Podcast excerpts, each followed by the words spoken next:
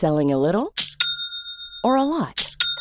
Shopify helps you do your thing however you cha-ching. Shopify is the global commerce platform that helps you sell at every stage of your business. From the launch your online shop stage to the first real life store stage, all the way to the did we just hit a million orders stage. Shopify is there to help you grow. Shopify helps you turn browsers into buyers with the internet's best converting checkout. 36% better on average compared to other leading commerce platforms because businesses that grow grow with Shopify. Get a $1 per month trial period at shopify.com/work. shopify.com/work. It's the Kia Summer Sticker Sales Event, so give your friends something to look at, like a B&B with an ocean view, an endless field of wildflowers, or a sunset that needs no filter. Make this a summer to share and save with a capable Kia SUV or powerful sedan.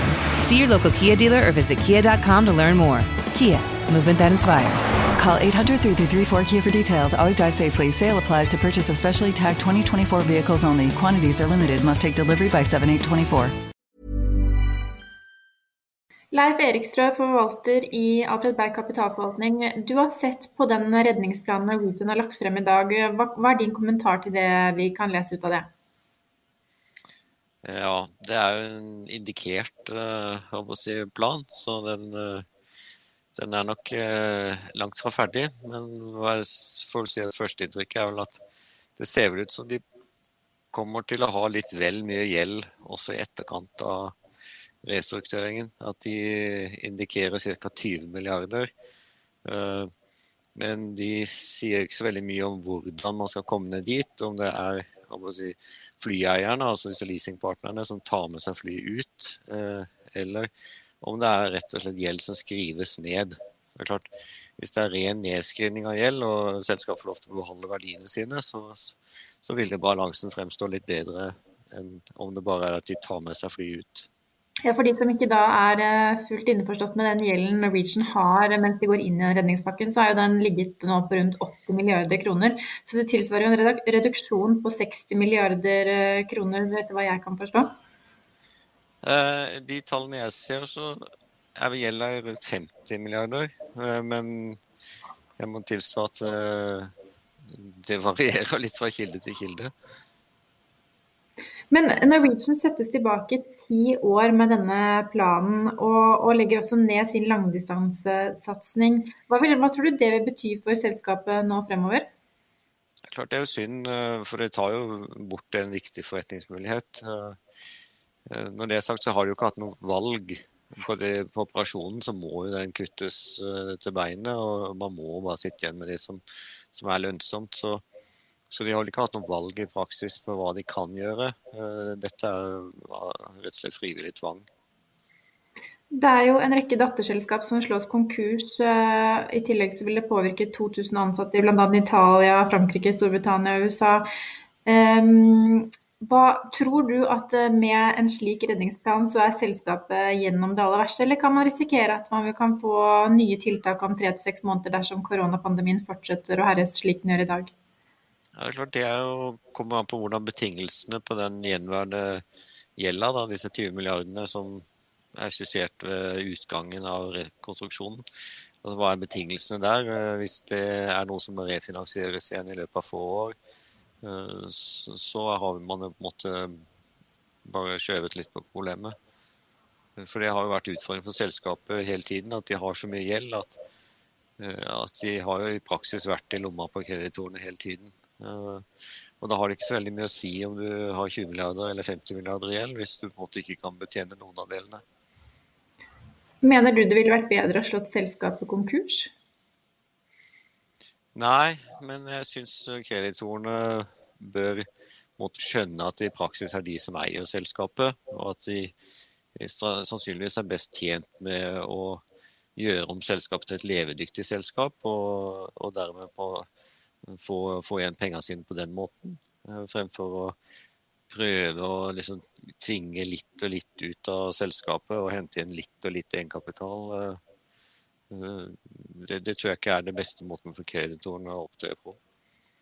Vi har jo sett at det er en rekke selskaper, fly, andre flyselskaper som nå eh, har eh, gjort inntog eller eh, styrket sin posisjon i Norge, bl.a. Wizz Air. Og så hører vi at dette Bråten-selskapet Flyr skal starte opp. Og vi har også SAS. Nå blir jo Norwegian et mer skandinavisk flyselskap med noen operasjoner rundt om i Europa. Er de klare for den tøffe konkurransen de kommer til å møte her hjemme? Ja. Ja, jeg tror Norwegian er et veldig sterkt brand, særlig her i Norge og Skandinavia. Uh, også veldig fornøyde kunder. Uh, så jeg, jeg, tror på en måte selskapet Norwegian det er liv laga, det har det vært hele tiden. Men klart Det er jo unntakstilstand akkurat nå, da, hvor det er så få flypassasjerer. Men uh, Norwegian har en kjempeposisjon i, i Skandinavia, og den kommer de til å ha. Så det er veldig tøft for disse nye utfordrerne som egentlig starter litt på bar bakke. Rent investeringsmessig er Norwegian i dag et bedre case enn det var i går? Uh, nei. Si, dagens aksje den må vi holde langt unna.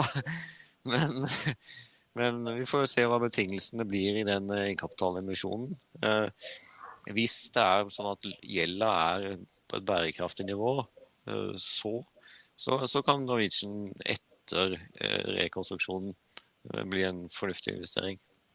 Denne planen eller eh, meldingen i dag kom jo da kun en uke før eh, første deadline i den juridiske prosessen Norwegian eh, befinner seg i Dublin. Ikke tilfeldig, kanskje? Nei, men så er det jo også sånn, i sånne prosesser så er du avhengig av å oppdatere markedet vann. For hvis ikke så får du veldig asymmetrisk informasjon. Og, og det er umulig å holde på innsideinformasjon over så lang tid når det er så mange involverte. så så det er ryddig og greit egentlig å gi en oppdatering sånn med jevne eller ujevne mellomrom.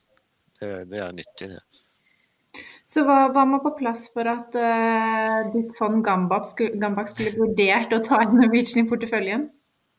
Nei, Som sagt så er det jo på en måte at det er fornuftige betingelser på den gjenværende gjelda. Uh, sånn at ikke man om et halvt år eller ett år kommer og skal refinansiere gjeld, og, og kreditorene sitter med bukta begge ender nok en gang. Eh, man må på en måte få jekka ned disse kreditorene et hakk, eh, så man, man kan få en, eh, en, rett og slett bærekraftig balanse i selskapet. Det har vært altfor mye gjeld. og Det er klart det, det må jo tidligere styre ta ansvar for selv, men, men selskapet er levedyktig. Altså Det er et kjempebra selskap hvis det bare hadde hatt orden på balansen sin. Tror du de vil få eh, støtte, eller tror du Næringsdepartementet vil delta i den eh, restruktureringsplanen man ser eh, fremlagt i dag? Det virker jo faktisk som det er en ganske sånn solid politisk støtte. Og så er det valg til høsten, sånn at her tror jeg pengene sitter løst. Da blir det spennende å se hva utfallet blir. Takk for at du kunne være med oss i dag, Leif Erikstrøm.